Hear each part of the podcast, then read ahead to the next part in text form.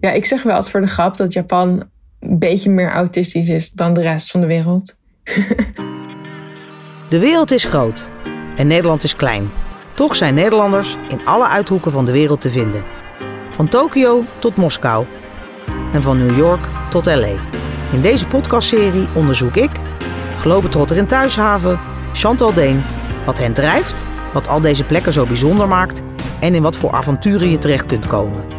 In iedere aflevering vragen we de hoofdgast om hun leven in drie audiofragmenten te vangen. Welkom bij Thuis in het Buitenland, een rondje om de aarde. In deze aflevering strijken we neer bij Bianca Toeps in de wereldstad Tokio.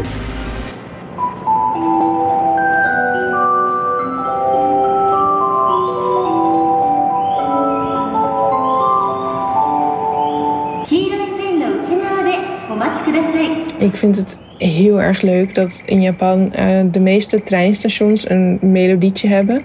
En dat het um, ook per station verschilt. Zodat als je zeg maar een beetje zit te suffen in de trein, dat je weet waar je bent. Dat een station ook een eigen identiteit heeft. Um, en in, in Hachioji, op het uh, station Keio Hachioji, heb je dus een, uh, een nummer wat... Um, want ik dacht, waar is het deuntje van? Toen ben ik dat gaan opzoeken. En er zijn natuurlijk allerlei treinen-nerds op YouTube die dat dan hebben uh, gezegd waar het van is.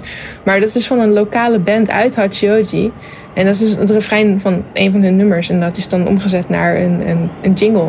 En die speelt dan instrumentaal op het station voordat de trein vertrekt. En ik vind dat echt zo leuk.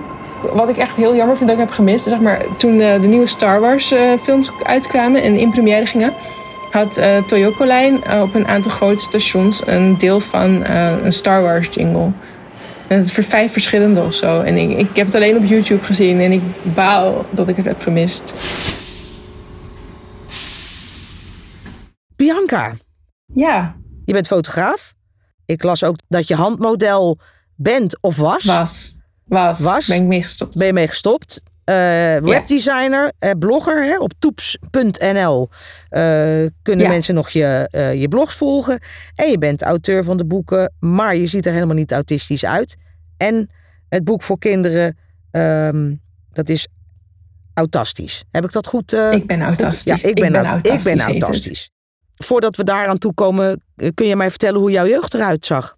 Ja, ik ben dus geboren in Leidschendam, maar dat was omdat ze in Zoetermeer nog geen ziekenhuis hadden. Want daar uh, ben ik opgegroeid en uh, dat was toen helemaal nog nieuw en net aangebouwd. En toen ik 17 ben, ben ik het huis uitgegaan met mijn toenmalige vriend. Dus ja, Den Haag is dan de stad waar je naartoe gaat. Ja, dat is natuurlijk gewoon de grote stad voor als je in Zoetermeer woont. En wat, wat ben jij daar gaan doen in Den Haag? Nou, ik ik had toen mijn VWO net af en ik ben een studie gaan doen bij de Belastingdienst. En, uh, een traject op Nijenrode. Ze zochten zeg maar accountants, controlespecialisten voor de Belastingdienst. En die konden ze niet vinden. Toen dachten ze, we gaan ze zelf maar opleiden. Dus toen hebben ze een heel eigen traject uh, bedacht. En ja. uh, daar was ik een van de, ik denk 28, hadden een klasje. Die daarvoor was uh, geselecteerd. En hoe lang heb je daar gewerkt? Anderhalf jaar. Toen, toen ben ik finaal ingestort. Dat was mijn eerste grote. Waarom ben je ingestort? Ik had toen nog geen autisme-diagnose. Maar uh, ik had wel gewoon heel veel moeite met uh, bepaalde aspecten van het uh, vak. Vooral het aspect van de stages. Mm -hmm. Ik was gewoon doodsbang om naar kantoor te gaan. Doodsbang van, oh, ik moet met mensen gaan praten. Ik moet iemand gaan opbellen. Nou, ik was echt terrified. Dus wat ik deed was um, een een grote zak snoep kopen of mezelf na afloop een grote pot ijs geven. En um, nou ja, om dat dan weer te compenseren, sloeg ik dan weer maaltijden over. Um, nou ja, en dan voel je je na een tijdje niet zo goed als je zo eet, want het is niet zo gezond. Dus uh, ja, toen ben ik daardoor ben ik dus helemaal ingestort. Wat jammer was, want qua studie zeg maar, ging het heel goed. Haalde ik gewoon negens en zo. Alleen het mm -hmm. verschil tussen de studie en de praktijk was echt heel erg groot toen kwam ik thuis te zitten en toen werd het nog erger met dat eten. Dus toen ben ik daar wel echt heel erg serieus hulp voor gaan zoeken. En toen heb ik um, acht maanden lang, drie dagen in de week, uh, behandeling gehad voor een eetstoornis. Mm -hmm. Ze wisten dan nog steeds niet dat ik autisme had. Dat is jammer. Want dat, dat wist jij dus ook nog niet? Dat wist ik ook niet. Nee. nee. ze zeiden wel dat mijn sociale vaardigheden echt heel slecht waren. En dat ik daar um, trainingen voor zou moeten. Tenminste, dat stelden ze dan voor. Wanneer is nou dat moment geweest dat die diagnose kwam naar je eetstoornis? Was dat kort daarna? Even denken hoor. Eetstoornis was ik 20. Ik denk dat dat heeft nog ongeveer vijf jaar geduurd. Wauw. Daarna. En wat, wat heb je in die vijf jaar gedaan? Carrière gemaakt als fotograaf. Een heel ander pad opgegaan. Van de Belastingdienst naar fotograaf. En dat ging eigenlijk heel snel, heel hard. Ja. En een beetje te hard. En toen kwam ik dus eigenlijk wel weer op dat punt van oh mijn god, dit gaat me echt veel te hard. En dit, dit, dit durf ik allemaal niet. Ik, op een gegeven moment zat ik op het punt dat ik gewoon campagnes voor landelijke en internationale merken aan, aan het fotograferen was. Het werd zo groot, het, werd, het ging zo hard. Er gingen ook soms wel dingen mis. Het is natuurlijk heel stressvol. Dat ik weer op datzelfde punt kwam van ik kap hiermee. Ik vind dit niet meer leuk. Maar mhm. op een gegeven moment had ik wel in de gaten van dit gebeurt mij nu al heel vaak. En um, ja, zeg maar, ik had wel iets van elke keer doe ik iets voor ongeveer twee jaar en dan, dan wil ik ermee stoppen. En ja. dat, er klopt iets niet hier. En toen tipte iemand mij uh, dat uh, zo van, hey, heb jij wel eens gedacht aan autisme? Ja, dat was even een moment en nou ja, na anderhalf jaar of twee jaar of zo was ik erachter van, oké, ja, nee, autisme gaat niet weg, maar je kunt er wel degelijk beter mee leren omgaan. En dat je ook weet waardoor het komt. Dat is ook wel prettig, denk ik. Ja, zeker, zeker. Want als je dat niet weet, dan ga je alleen maar denken van... waarom ben ik toch zo'n loser? Waarom, waarom geef ik steeds op? waarom kan ik niet gewoon eens een keertje iets afmaken? Ja. ja. En, wanneer, hè, dat is misschien, misschien is het een hele sprong in de tijd, misschien ook niet. Wanneer dacht je voor het eerst, ja, weet je, ik wil gewoon meer van de wereld zien? Eigenlijk is het niet eens dat ik meer van de wereld wilde zien. Ik, um, in mijn eetstoornistherapie tijd hadden wij op die vrije dagen dan soms niks te doen. En mhm. um, ik was al sinds, sinds eigenlijk mijn vader en stiefmoeder voor hun huwelijksreis naar Disneyland Parijs zijn geweest met mij toen ik acht was of zo, was ik fan van Disneyland Parijs. Ja. En met mijn, uh, mijn eerste vriendje gingen we ook heel vaak daar naartoe. En hadden we ook een jaarkaart. En dus toen ik in therapie zat, had ik nog steeds een jaarkaart die nog geldig was. En toen had ik ontdekt dat je gewoon op een dag naar Disneyland Parijs kan gaan. Want ik dacht altijd, dan moet je een weekend naartoe of zo, of drie dagen. Dus, dus dan ging ik soms gewoon op, op, op een ochtend om, om half zeven of zo, ging ik dan naar, ging naar het station. En dan was, je, was ik om uh, half elf of zo, was ik in uh, Disneyland Parijs. En dan ging ik uh, rond zes uur s avonds weer naar huis. En dan was ik rond elf uur of zo weer thuis. Of twaalf uur, ik weet niet precies. Maar in ieder geval, dat ging net. Dus dat, ehm, en dan kwam ik de volgende dag in therapie en zei ze, oh, wat heb jij gisteren gedaan? En zei ik, nou, ik was naar Disneyland Parijs. En zei ze, met wie? Ja, met niemand, gewoon zelf. nou, dat vond ze allemaal heel raar. Dat zijn van die momenten waarvan ik wel ja, had ja, geleerd van, ik, ik kan gewoon, dit kan je gewoon doen. Ook al is het soort van raar of zo. Andere mensen zouden dit niet doen, maar je kunt het gewoon doen. Ik was dus al, al die tijd wel echt heel erg fan van uh, Disneyland. Ja. Um, ik zat ook op, op fan-websites en zo ervan. Maar toen was een vriendin van mij was in Japan uh, in 2008. En um, ja, ik, mijn relatie ging toen uit. En, ik was, en zij stuurde mij een, een berichtje via internet. En ze zei: uh, Oh, kom anders gewoon hier naartoe. En ik, zo, ik keek naar mijn bankrekening en ik dacht: Ja, kan net. Let's do it. Want uh, in Tokio hebben ze een, een, Disneyland. En daar ben ik nog niet geweest. En um, ik uh, wil graag een heel Disney-lijstje, bingo-lijstje hebben met alle Disney-parken van de wereld. Mm -hmm. En ik dacht, nou, Tokio, check. dus uh, dat was eigenlijk de enige reden dat ik, dat ik naar Japan was gegaan. Ik had verder geen flauw idee wat ik in Japan moest doen. Mijn andere favoriete plek hier, dat is de kringloopwinkel. En die hebben ook een, uh, een jingle, want alles hier heeft een jingle. Uh, en een bedrijfsmuziekje ik kom echt uh, nou, meerdere malen per week, denk ik, in een kringloopwinkel. Uh, dat komt ook omdat um, een tijdje is uh, een van mijn autistische hobby's Polaroid-camera's geweest. Daarmee fotograferen, maar ook ze verkopen, ze repareren. En um, hier in Japan heb je er um, best wel veel in de kringloop. En sommige liggen dan ook op de afdeling junk. En dat is zeg maar, ja, junk is zeg maar, we hebben het niet getest, we weten niet of het werkt. Het is allemaal kapot, het is rotzooi. Maar daar liggen soms hele goede Polaroid-camera's tussen en dat weten ze dan gewoon niet. Ja, ik, ik heb best wel een aantal goede, goede camera's als kort. Ik heb uh, nu best wel veel. Ik verkocht ze altijd zelf in mijn shop. Maar uh, sinds kort uh, doe ik dat niet meer, want vind ik te veel gedoe. Niet zoveel tijd meer voor. Dus een vriendin van mij die heeft een, een winkel in Arnhem en een online winkel. En die verkoopt ook Polaroids. Dus ik heb met haar afgesproken nu dat ik mijn vondsten naar haar opstuur en dat zij ze dan verkoopt en dan delen we de winst. Wat, wat sprak je nou aan aan uh, Japan? Waarom je daar nu zit? Er zijn een aantal dingen. Eén daarvan is ook gewoon dat je als autist een soort van undercover bent hier. Want alle dingen die ik sociaal onhandig doe, is logisch, want ik ben een buitenlander. Dus alles wat ik niet begrijp, is logisch. Alles wat ik verkeerd doe, wordt me niet echt verweten. Dus dat geeft een soort rust. Ja, als ik in Nederland iets sociaal verkeerd doe, dan denken ze gewoon dat ik een soort onbeschofte, onopgevoede hork ben. En kun je een voorbeeld geven, Bianca, van, van wat je dan niet goed uh, zou doen? Mm, nou ja, goed, te kort antwoorden, te lang antwoorden. Um, het, uh, mensen wel of niet aankijken. Ja, gewoon allemaal van die kleine interacties die uh, in de weg staan, niet doorhebben dat je in de weg staat. Iets niet snappen. Dus waar jij nu bent, wordt dat je vergeven door je westerse uiterlijk. Omdat ze denken, joh, die snapt het gewoon niet. En dat maakt het, wat je, wat je aangeeft, dan ook prettiger voor jou om je daar uh, te bewegen zonder dat je continu alert moet zijn uh, dat, je, dat je het juiste doet. Ja, precies. Ik bedoel, het is eigenlijk al gegeven dat ik het niet goed doe. Want dat is logisch. Want, ja. want ik ben een buitenlander, dus ik weet het allemaal toch niet. Dus dat is fijn.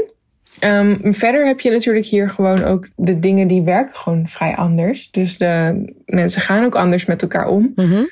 En net op een manier die net iets beter past bij hoe ik um, werk. En hoe dingen die ook meer passen bij, zeg maar, um, mijn autisme.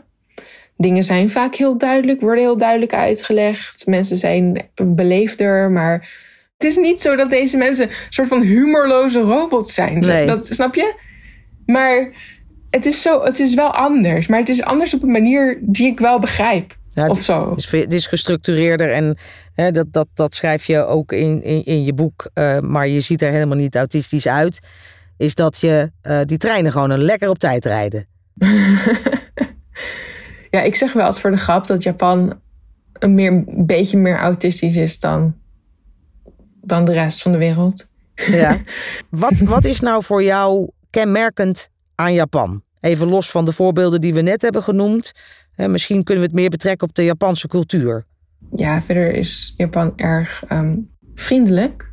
Um, en um, een hele gekke combinatie van modern en oud.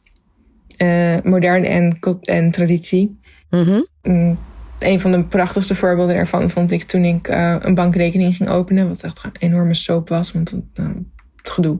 Maar uiteindelijk had ik er één. En dan krijg ik een bankboekje bij. En dan denk je, wat is een bankboekje? Een bankboekje is letterlijk een boekje met je bij- en afschrijvingen.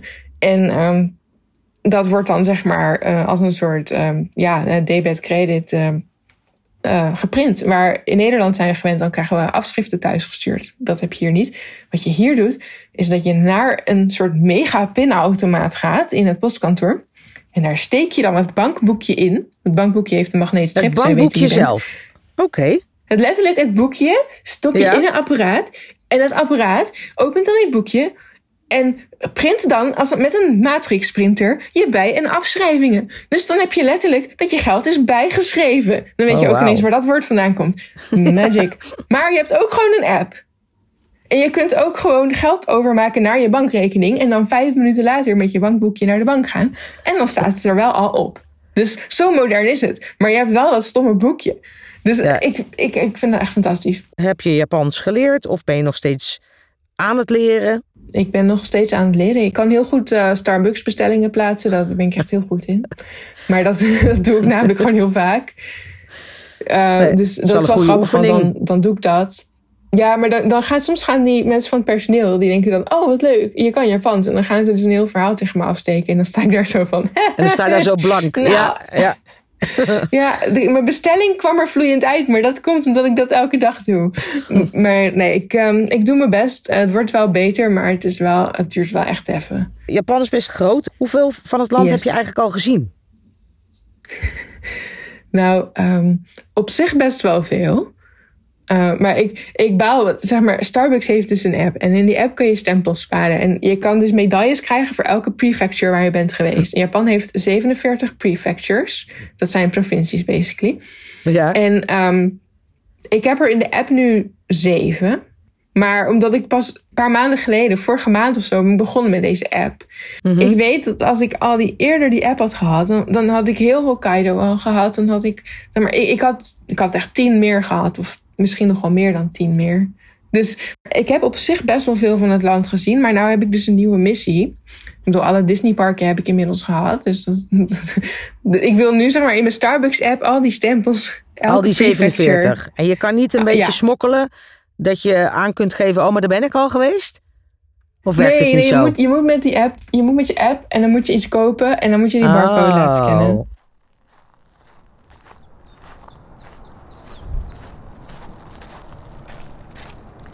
Ik wandel graag uh, langs de rivier. Mijn huis um, is aan de rivier. En um, daar zit aan twee kanten een soort dijk omheen. En um, dat is ook een fietspad slash wandelpad. En daar kan je best wel een heel lang eind overlopen. En uh, als ik even mijn hoofd leeg wil maken, dan ga ik dus echt best wel vaak even een rondje lopen of een stukje lopen langs de rivier. En als je dan uh, als je goed loopt, dan uh, zie je in de verte Mount Fuji. Dat is helemaal fantastisch. Dus wat je nu hoort is de rust, de stilte, um, langs de rivier eh, bij mijn huis.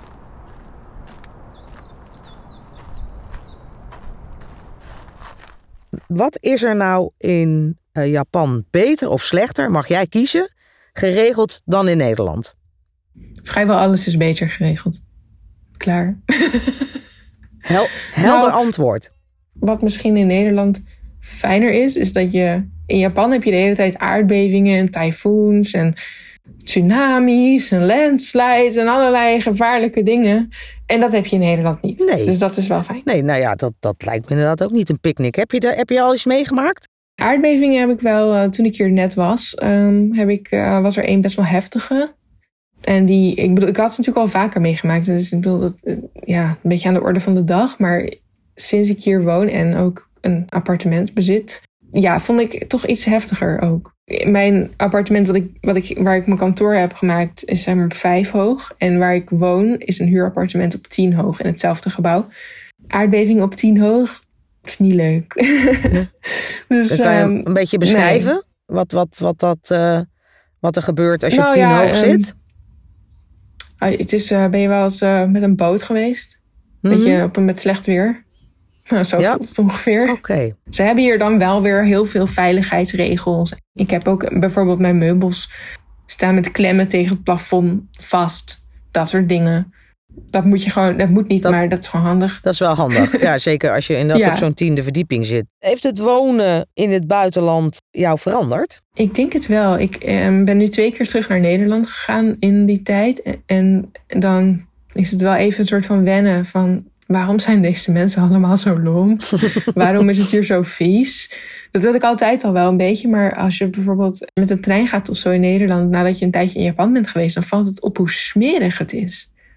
Gewoon vies. Gewoon de vloer. Je kan je, kan je tas niet op de grond zetten. Is smerig. Uh, mensen hebben patatjes uh, in, de in het prullenbakje. Dat, van die dingen.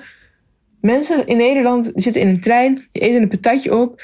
En in plaats van dat ze nou denken, over vijf minuten ben ik op mijn bestemming, dan neem ik dit bakje patat mee naar buiten en dan gooi ik het daar in de prullenbak. Want dan is het wel, dan stinkt het niet zo voor al die andere mensen in deze trein. Denken ze gewoon, nou, hier moet ik vanaf. Hier is een mini mini prullenbakje. Prop, prop, prop. Gaat niet dicht, maakt niet uit, ik ben er vanaf. En hoe langer je in Japan bent, zeg maar waar iedereen van jongs af aan eigenlijk aangeleerd krijgt dat alles wat je doet, dat je moet bedenken van, hebben andere mensen hier last van? Dat is heel gek. Dat je denkt, jongens, denk, denk na. Dit is toch niet logisch? Neem het mee naar buiten. Gooi het daar weg. Maar goed, dat, ja, het is alleen maar ergernis hoe meer je dat gewend bent eigenlijk. Maar ja. Nee, maar ik erger me daar ook aan hoor. Dus uh, ik denk dat we gewoon maar uh, een aantal mensen ze even een tijdje naar Japan moeten sturen. En kijken hoe het, uh, hoe het daar bevalt. ik um, denk niet dat Japan er blij mee gaat zijn. nee, dat denk ik ook niet. nou ja, weet je, ik denk altijd verbeter de wereld begin bij jezelf. Um, de laatste vraag, uh, ja, de, vraag die je wist dat zou komen, maar misschien toch niet meer zou verwachten. Wanneer was jij blij of dacht je van, oh, ik ben blij dat ik verzekerd ben? Ik, ik heb hem nu opgezegd, omdat ik nu verplicht in de bedrijfsverzekering van mijn eigen bedrijf moet. Ik wilde op zich eigenlijk liever gewoon mijn Nederlandse verzekering houden. Maar er zijn hier nou eenmaal regels. En ik heb inmiddels wel geleerd in Japan dat je dan maar soms moet je dat ook maar gewoon opgeven. En dan zoiets hebben van oké, dan, dan doe ik het wel omdat jullie zeggen dat het zo moet. Nu moet ik wel bij alles wat ik doe 30% zelf betalen. Maar dat zit wel een maximum aan van 500 per maand of zo. Dus als je zeg maar echt zwaar in het ziekenhuis ligt voor forever maandenlang, dan, dan wordt het niet een mega rekening wat je echt nooit meer goed komt. Ja, en de dokters en zo, het is allemaal niet zo duur hier. Dat heb ik ook wel gemerkt. Het is echt, het kost echt vrijwel niks. Nou, ik, ik wil je onwijs bedanken, Bianca, voor uh, dit, dit, leuke en ook zeer uh, leerzame uh, gesprek. Ik wens je alle daar in, in Japan. En, Japanners zeggen dan ja, bye bye. Oh, bye bye. Nou, dat is De Japanse, Japanse manier van afscheid is bye bye. Bye bye. Nou, Bianca. Bye bye. Bye bye. Dit was Thuis in het Buitenland een rondje om de aarde. Hopelijk heb je ervan genoten en wellicht zelfs iets opgestoken.